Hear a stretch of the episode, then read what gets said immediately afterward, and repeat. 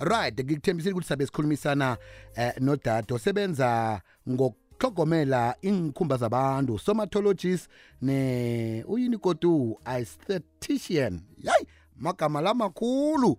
Lotsha lolo Lo. Njani? ngikho njani sesi Ngiyaphila. ngiyathokoza. Ngi- ngi- ngibawa ungehlisele umhatsho ngapho uvala umhatsho singa bounce back to you.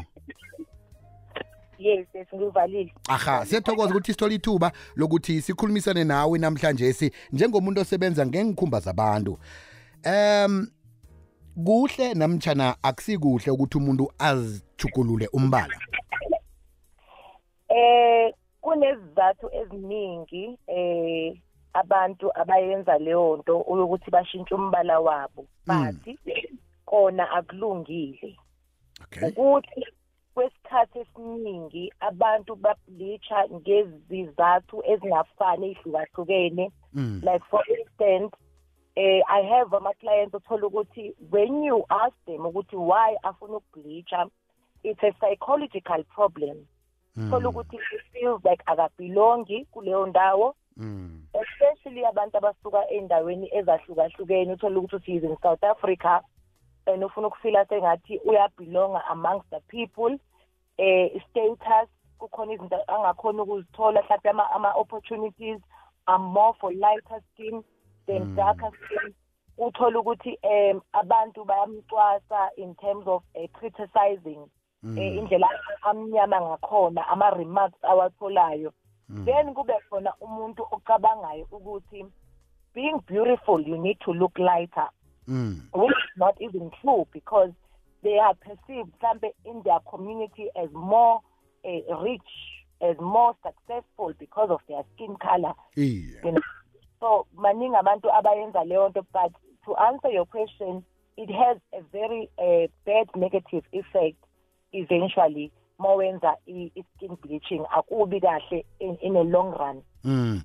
Njeke kuyini nange mhlambe ngifuna ukuthi ngizijugulule ngibe mhlotshana? Kuyini efane ngicale ezesweni namtjana ku cream namtjana isipha eh efane engizithengako? Yini efane ngiyicale ukuthi ingangani? Mhlawumnye ama ingredients ngengiwapha ingozi khulu alimaza isikhumba? Yes um one thing about abantu abangayi understand the more bleach isikhumba it has a lot of side effects because you are you are trying to lose the melanin siyibiza nge-melanin which is your original skin color Mm. to lose it to become a bit lighter kukhona abantu abaluze i-melanin because of ama-condition afana ne-albinism Mm. vitiligo maningi ama-condition ayenza ukuthi umuntu abe mhlophe through a condition emphethe ngaphakathi so if you are naturally doing it ku- kwi-skin sakho wena kunomngozi obukhulu because you are exposing i-skin sakho to this ingredient ebizwa nge-hydroquinone. Leyo ingredient idla it's a chemical eyenza ukuthi even if usustopisha ukusebenzisa the specific products which are making you lighter you become an addict. It's like a drug. Awusakhoni manje ukuthi ungaphili ngaphandle kwayo because once usuyistopha uba more darker or u- uba ne-rash Hmm. okunye futhi eh eh, Prince ukuthi the people abasebenzisa these things they, they they get even exposed to the sun which can cause even skin cancer irritation ungaba irritated and redness.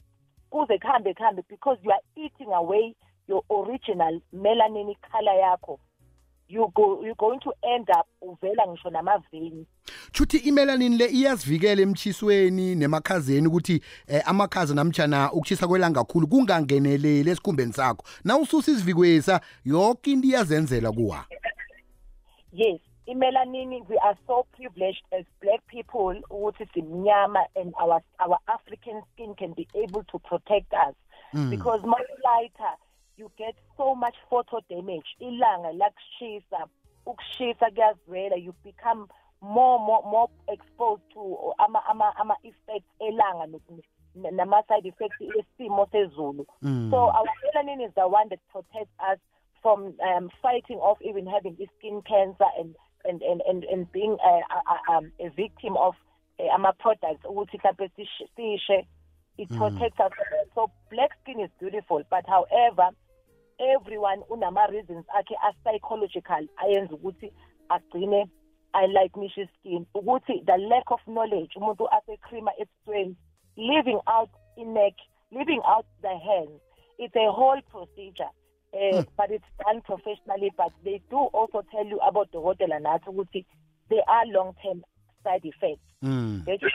to, to, to know ngawo um eventually ozomela ukuthi u- u- u- uzame ukuthi unga- ungayenzi overly because it's addictive it's like ama drugs Eh ngaphambi ukuthi ke sivale inkulumo yethu sizokubawa nje eh dadaba ukuthi usitshele inomboro zomtato lapha bangakhona ukuthi bakuthole khona. Kodwa nombuzo wami wokuphela wokugcina ngothi kuno kuneyokubleacha okhunya bakubiza ngokusoka umuntu ambathi ijeresa ambase ini ukuthi afuthumele achise kuchisa eh into le iyasebenza bathi ukusoka yes umuntu ba- umbathi umbatha amakowusi webhola ukuthi vele azivale.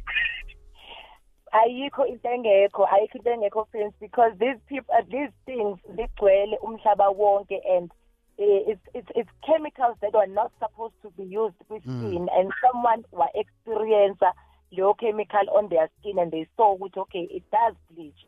There are people who abasokayo there are people abakrimayo abantu abasebenzisa ama extra acids do a lot of things but eventually kuhleli kune impact because Mm. those need maintenance.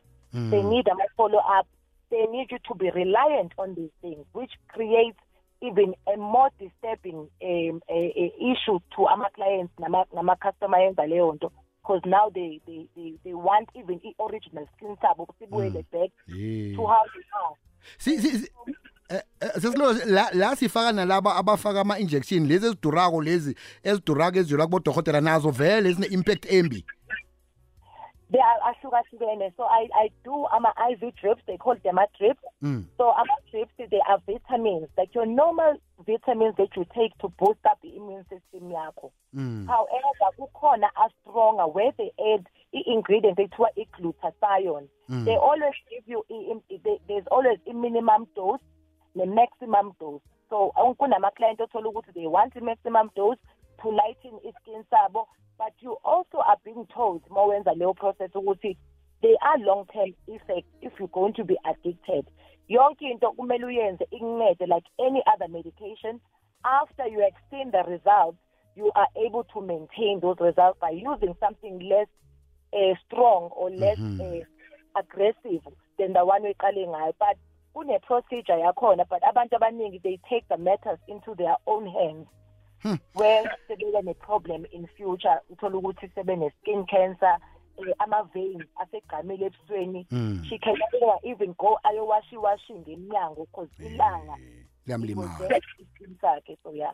Sesilolo sibawa inomboro zakho nokuthi sikulandela njani enkundleni zokuthindana okay so ikampani yami uvital derma radiance nge- ku-tiktok i-facebook instagram. Inamba yami ithi 078 67 86 992 bawa siyibuyelele Mhm. 078 67 86 992 ikampani yakho uthe ibizwani khona sayilandela lapha ku-tiktok? Yes yes yes.